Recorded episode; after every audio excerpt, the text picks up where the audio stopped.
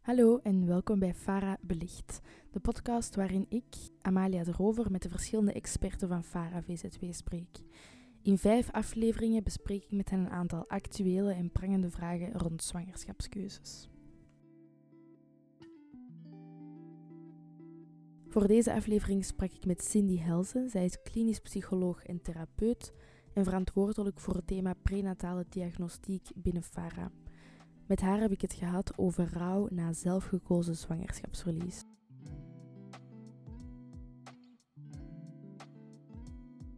Oké, dus rouw na zelfgekozen zwangerschapsverlies. Dat is een hele mond vol, Cindy. Kan je dat eventjes toelichten? Ja, um, daar zitten eigenlijk drie stukken in, drie belangrijke stukken. Rouw, zwangerschapsverlies en zelfgekozen. Um, rouw, denk ik, spreekt wel een beetje voor zich. Hè. Dat gaat over het rouwproces dat volgt na zwangerschapsverlies. En bij zwangerschapsverlies denken we eigenlijk aan een verlieservaring in de zwangerschap.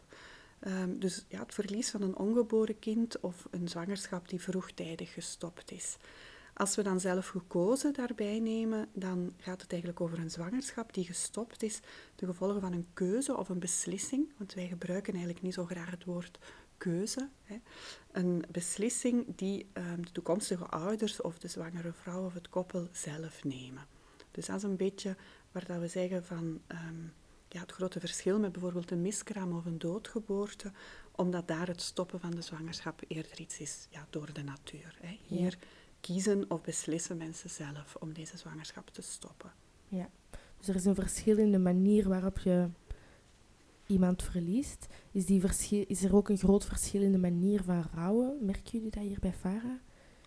Wel, wat wij merken is dat er heel wat gelijkenissen zijn en dat er ook wel wat verschillen zijn. Ik denk dat een, een heel belangrijk verschil te maken heeft met het feit dat daar zelf over beslist is.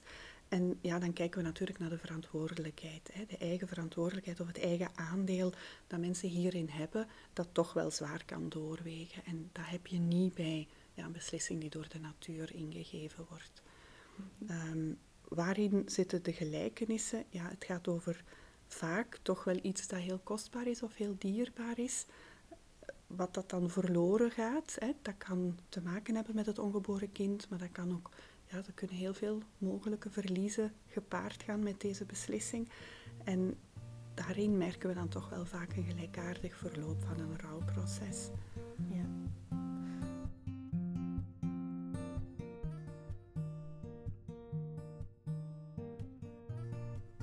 Twee jaar geleden maakte ik de keuze om mijn vruchtjes te laten wegnemen.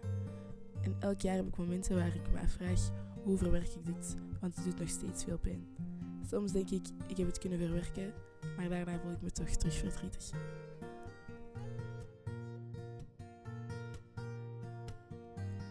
Nu, uit die getuigenis wordt duidelijk dat een zwangerschap afbreken een heel grote impact heeft op het leven van een, een vrouw. Merken jullie hier ook bij Farah dat die beslissing blijvende negatieve gevolgen kan hebben voor het leven van een vrouw? Ja, als je het zo sterk uitdrukt, dan, dan uh, zou ik niet noodzakelijk zeggen een blijvende uh, negatieve indruk of impact, omdat we zien op lange termijn dat de meeste vrouwen het wel goed stellen. Hè. Dat is ook wat het meeste onderzoek aantoont, dat het nadien eigenlijk wel terug goed gaat met deze vrouwen of met deze koppels.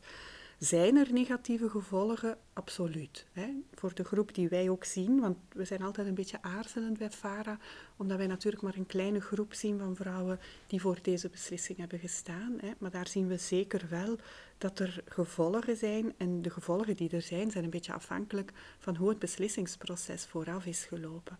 En dat kan zijn dat dat hele negatieve gevolgen zijn, afhankelijk ook van of mensen een verantwoording hebben kunnen vinden voor de keuze of de beslissing die ze gemaakt hebben.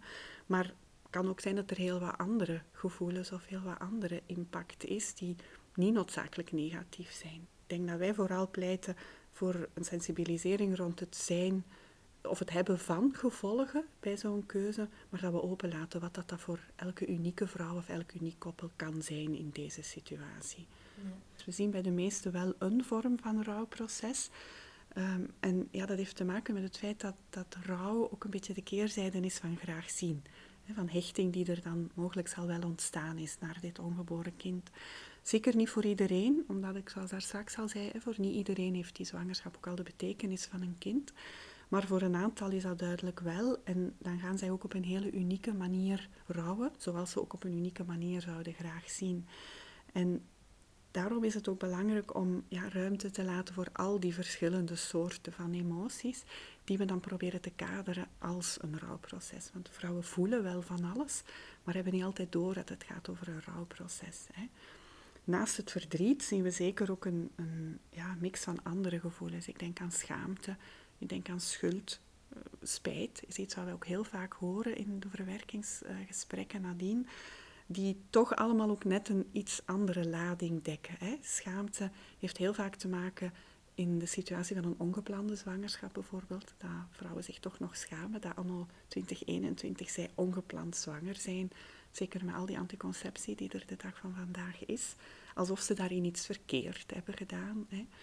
Ook bij een prenatale diagnose en ja, nadien dan de eventuele keuze tot afbreking, hebben wij iets verkeerd gedaan? Is er iets mis met ons? Of, of maakt dat wij nu die ongelukkigen zijn die met deze diagnose geconfronteerd worden?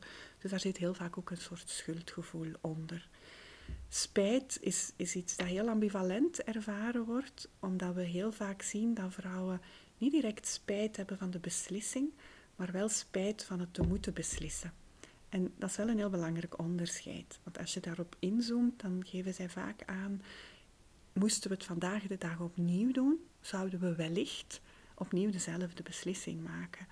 Maar het is gewoon afschuwelijk dat we die hebben moeten maken. Dus daar hebben we wel veel spijt van. En het is net die ja, ontrafeling bijna van en dat verdriet en die schuld en die schaamte en dan die spijt daartussen die het zo complex maakt voor hen, maar dat ontrafelen helpt soms wel voor hen om een beetje te kaderen van wat dat er met hun gebeurt na zo'n ja, ingrijpende beslissing toch. Ja. We hebben het gehad over de negatieve gevolgen die een uh, zwangerschapsafbreking kan hebben op de mentale gezondheid van de vrouw. Maar ik ga ervan uit dat er ook positieve gevolgen kunnen zijn. Wat, wat zijn die? Ja, absoluut. Ik denk dat het ook belangrijk is om dat te benoemen. Ehm, mensen zijn eigenlijk heel erg veerkrachtig. En afhankelijk van beslissingsproces dat er vooraf is gegaan, zien we vaak ook wel een sterkte of zo die er nadien kan komen. Ehm, vrouwen die blij, tussen aanhalingstekens, zijn dat ze deze keuze voor zichzelf hebben kunnen maken, die zich sterker voelen of gesterkt voelen nadien. En in dat opzicht willen we zeker niet de kaart trekken dat er alleen maar rouw of negatieve gevolgen zijn in dat groeivermogen dat mensen hebben, of zo resilience, zoals ze in het Engels zeggen, zie je dat dat rouwproces of dat verwerkingsproces vaak ook hele mooie, krachtige vrouwen of koppels brengt. We zien dat ook in de verbinding die er tussen koppels kan ontstaan of versterkt worden doordat ze dit traject zijn doorgegaan. Dus het is zeker helemaal waar dat het niet alleen kommer en kwel is nadien, maar dat we ook hele mooie dingen zien ontstaan als mensen dit hebben meegemaakt. En dat is zeker ook belangrijk om mee te geven perspectief voor hen die er nog voor staan. Um, je had het daarnet over sensibilisering. Um, wordt er in het beslissingsproces vooraf genoeg um, gesensibiliseerd rond de gevolgen die zo'n keuze op je leven na de keuze kunnen hebben? Of beslissing, na de beslissing kunnen hebben? ik denk dat het nog niet genoeg gebeurt. En als het gebeurt, dat het ook moeilijk is voor, voor vrouwen of koppels om het op dat moment helemaal te bevatten en dus op die manier beter voorbereid te zijn. Ik denk dat we onze vraag kunnen stellen of je op zoiets echt kunt voorbereid zijn. Wat ik wel denk dat kan helpen, is dat, dat ze goed geïnformeerd kunnen worden op wat de mogelijke gevolgen zijn. En daarin dan ook heel breed openlaten en zeker niet poneren of, of iets normatief naar voren schuiven van zo moet het zijn, maar dat het wel kan. Wij zeggen altijd, je mag het er moeilijk mee hebben, maar het moet niet. En als je dan vooraf ja, wel kan meegeven dat dit zelden of nooit zal leiden tot een terugkeer naar de situatie van voor de ongeplande zwangerschap, voor de abortus of voor de zwangerschapsafbreking, dan laat je wel ja, in het midden hoe dat, dat dan precies u verandert of welk verschil dat dat maakt. maar je geeft wel mee dat er veranderingen gaan zijn. En dan kan je wel, denk ik, al in grote lijnen een beetje vertellen over hoe zo'n rouwproces kan verlopen, welke mogelijke emoties er allemaal zijn, zodat als die ook naar voren komen, ze niet zo hard moeten schrikken. En dat ze weten, ah ja, dit is wellicht wat dat ze bedoelen. Als ik verdriet heb, als ik ja, kwaad ben, en het kunt ook kwaad zijn op het lot dat dit jou is overkomen, dat toch die diagnose er komt, dat je toch ongepland zwanger bent geworden. Ik denk dat dat wel belangrijk is, dat ze dan een houvast hebben van, ah, dit is wat er gaat gebeuren. Ook uitleg niet alleen over hoe het rouwproces verloopt, maar ja, wij proberen heel concreet vooraf mee te geven dat een, een rouwproces een soort slingerbeweging maakt. Soms ga je heel intens in het verlies zitten en, en wat dat, dat verlies ook is, heel duidelijk voelen, ik kan hier nu even niet rond. Dit is heel impacterend, dit is heel overweldigend. Maar na een tijdje ga je naar ja, meer het herstelgerichte, zoals we noemen. En dan ga je voelen van oké, het lukt mij al terug om de draad op te pikken. Ik kan al terug gewoon mijn dag doorkomen. En meestal denken mensen dan, oké, we zijn vertrokken en het gaat nu goed. En dus het is voorbij. Eigen aan een rouwproces is dat dan na x tijd weer terugslingert naar de andere kant. En dat is heel belangrijk dat mensen dat weten. Dat dat niet lijkt alsof ze niet goed hebben gerouwd of niet goed zijn door dat rouwproces geraakt. Maar dat ze gewoon worden teruggeslingerd en dat dat normaal is. En dat dat ook oké is en dat ze wel weer x tijd later naar de andere kant geslingerd worden. Omdat heel vaak daar, zowel maatschappelijk als ook zij zelf, het gevoel hebben van oei, ik doe het niet goed. En dat is jammer, want als ze het kunnen toelaten, hoeven ze daar ook niet bang voor te zijn en krijgt dat zijn natuurlijke evolutie. Ook het verschil tussen partners, uitleggen dat het tempo verschilt, maar ook de inhoud van hoe je rouwt, omdat je ook soms iets anders verliest, dat dat verschil kan geven. En dus ook niet schrikken als uw partner al iets sneller dat kan doen of iets langzamer, iets meer tijd nodig heeft. Dat zijn wel belangrijke dingen, bijna theoretische dingen, die je puur informatief kan meegeven, die toch wel een houvast kunnen geven. Voorbereiden op negatieve reacties van de omgeving. Voorbereiden op goed bedoelde, maar soms hele pijnlijke opmerkingen van anderen voorbereiden op eikmomenten, eikdagen, verjaardagen, de dag dat de uitgerekende bevallingsdatum is, die komt daaraan. Of je dan doorgaat met de zwangerschap of niet, die komt daar wel aan.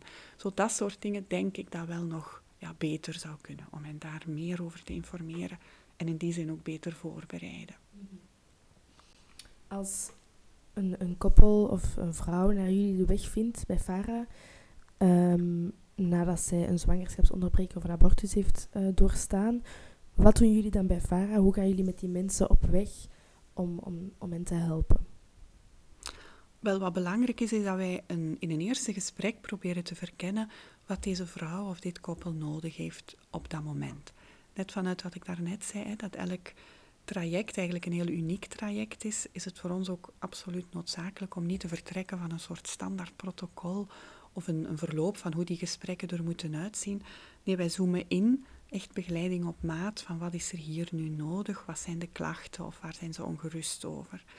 En dan ja, merken we dat daar heel vaak hè, in, in die worstelingen toch wel wat dezelfde dingen terugkomen. Ik denk dat het daarin ook ja, belangrijk is dat we daar ook ruimte voor laten, wat dat, dat dan ook is. En dat wij onze rol een beetje zien als een soort compagnon de route. Zo, wij zijn niet de expert die weten hoe dat, dat voor hen gaat verlopen. Dus ook niet waar dat we naartoe samen gaan. Maar wij zeggen wel van wij blijven staan. En ook al is het heel overweldigend wat dat je hebt meegemaakt, wij blijven hier staan en wij gaan meezoeken naar hoe dat je hier doorgeraakt. Hè. Ik denk het eerste thema wat wij, wat wij standaard aanraken is al inzoomen op rouw. Tijd maken, ruimte maken voor die rouw, omdat dus heel vaak zij niet doorhebben dat het daarover gaat. Zij vragen dat vaak ook letterlijk, van wat, hoe kan dat dan? Hè? Waarom of mag ik rouwen om iets wat ik eigenlijk nooit heb gekend, wat er nooit echt is geweest? Ook al hè, hebben zij daar duidelijk wel herinneringen aan, ook bij een abortus om, om psychosociale redenen, maar zeker als daar ook een kind is geweest, maar dan het tweede moeilijke aspect daarin zit, maar we hebben daar zelf voor gekozen. Alsof er zelf voor kiezen dan ook weer impliceert dat je daar niet mag om rouwen. Dat dat eigenlijk niet pijn mag doen, want je hebt dat toch gewild. Ja, je hebt dat gewild is een heel ander verhaal dan je hebt daarvoor beslist. Hè. Dus daar al ruimte voor laten is een hele belangrijke. En dan doen wij heel concreet door terug met hen te gaan naar het beslissingsproces. Hoe zijn ze daartoe gekomen? Welke argumenten waren ervoor? Welke dingen lagen in de afweging, in de weegschaal? Om zo een beetje de complexiteit van die beslissing terug helder te krijgen, maar ook een beetje op zoek naar welke verantwoording hadden ze voor zichzelf om tot deze beslissing te komen. Als we daardoor zijn, dan kunnen we soms ook samen met hun wel wat ontrafelen van welke betekenissen heeft nu dat verlies. Want ze verliezen soms veel. We spreken nu vaak over een kind, dat is niet voor iedereen een kind, maar we spreken vaak ook of merken ook dat ze een stuk van zichzelf kwijt zijn. Of een stuk onschuld, denkend van dit gaat mij nooit overkomen en ja, ineens is dat daar wel. Dus je, je merkt dat die verlieservaring zoveel lagen heeft, dat dat ook heel fijn is voor hun om hun daarin mee te nemen en ja, zo een beetje diepgang te creëren in logisch, hè, bijna eindigen we daar, logisch dat we daar wel moeilijk mee hebben en dat dat ook mag. Als je dat dan koppelt aan ja, het informeren rond rouw, dan ontstaat er een soort normaliseringsproces. Het is oké, het is normaal dat we hier zitten. En dat is al denk ik de belangrijkste stap die we proberen met hun te zetten. In tweede instantie, als we kunnen toelaten dat er rouwreacties zijn, gaan we ze vaak al zien afnemen. Dus dat vermindert al het rouwproces of de intensiteit. En dan gaan we bijna, ja, een stapje voor even verder gaan, gaan we bijna door naar die onzichtbare verlieservaring, zorgt vaak ook voor een verborgen rouw. Dat is niet zichtbaar, dat is ook voor hun ja, overschaduwd bijna door heel veel verschillende dingen. En dan gaan we proberen dat zichtbaar te maken. Door vragen te stellen als, hoe is jullie kind of hoe is wat dat jullie verloren zijn, hoe is dat nog zichtbaar?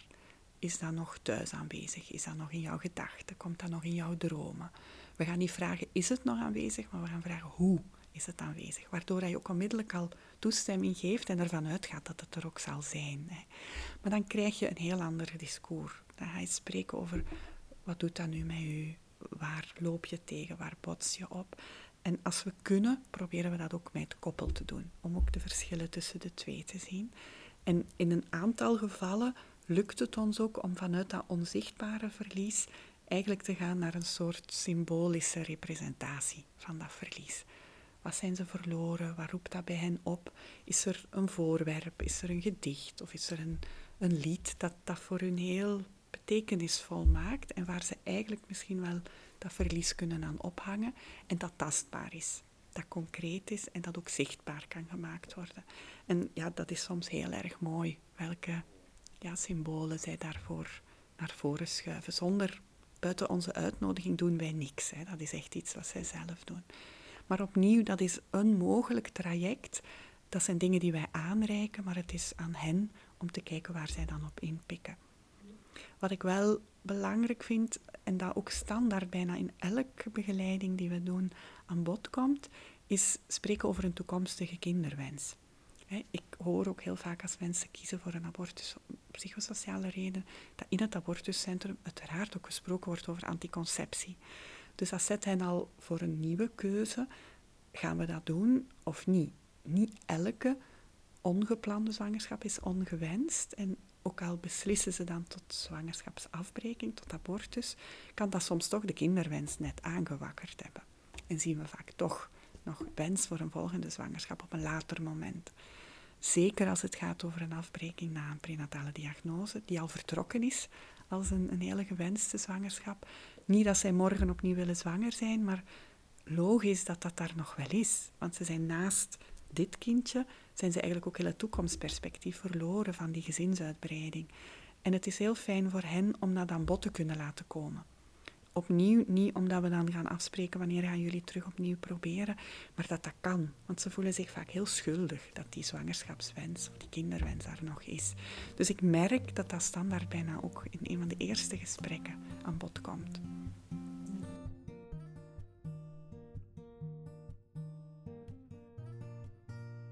Wij hadden ervoor niet stilgestaan bij de mogelijke gevolgen van deze prenatale testen, die zo standaard leken.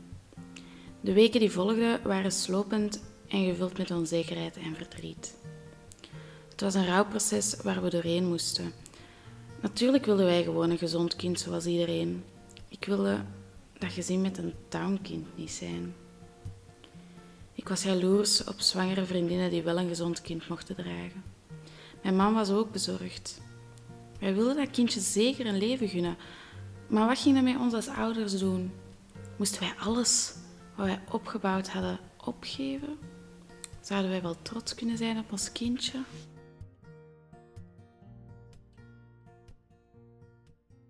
Dat is een ervaring um, waar mensen misschien helemaal niet bij stilstaan dat dat ook een vorm van rouw kan zijn. Um, we hebben het gehad over rouw nadat iemand beslist om een zwangerschap af te breken. Maar deze vrouw die ervoor kiest om haar zwangerschap verder te zetten, spreekt ook over rouw. Hoe moet ik dat juist begrijpen? Wel, ik heb daar straks gezegd, rouw is eigenlijk het gevolg van een verlieservaring. Wij proberen die rouwreacties een beetje te begrijpen vanuit het plaatsen van de verlieservaring vroeger dan bij het kiezen voor een abortus of een zwangerschapsafbreking na een prenatale diagnose. Voor ons zit de verlieservaring eigenlijk met het vaststellen bij de diagnose of bij de ongeplande zwangerschap. Daar is eigenlijk het verlies dat de toekomst er anders gaat uitzien dan zoals je ze verwacht had. En dus ook al kies je om de zwangerschap voor te zetten, krijg je toch een ander kind dan je had gedroomd, dan je had verwacht. Ik denk dat het heel terecht is dat we allemaal een gezond kind willen en verwachten. Dus dat vraagt toch wel een hele aanpassing om jou voor te bereiden en ook ja, uit te kijken naar kennismaken en graag zien van een kindje dat er anders gaat uitzien.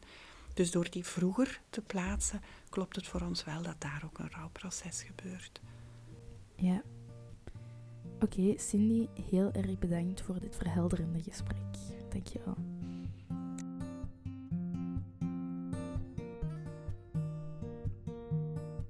Bedankt voor het luisteren. Moest je na deze aflevering nog met vragen zitten, dan kan je altijd eens een kijkje nemen op fara.be of Cindy contacteren via vragen.vara.be.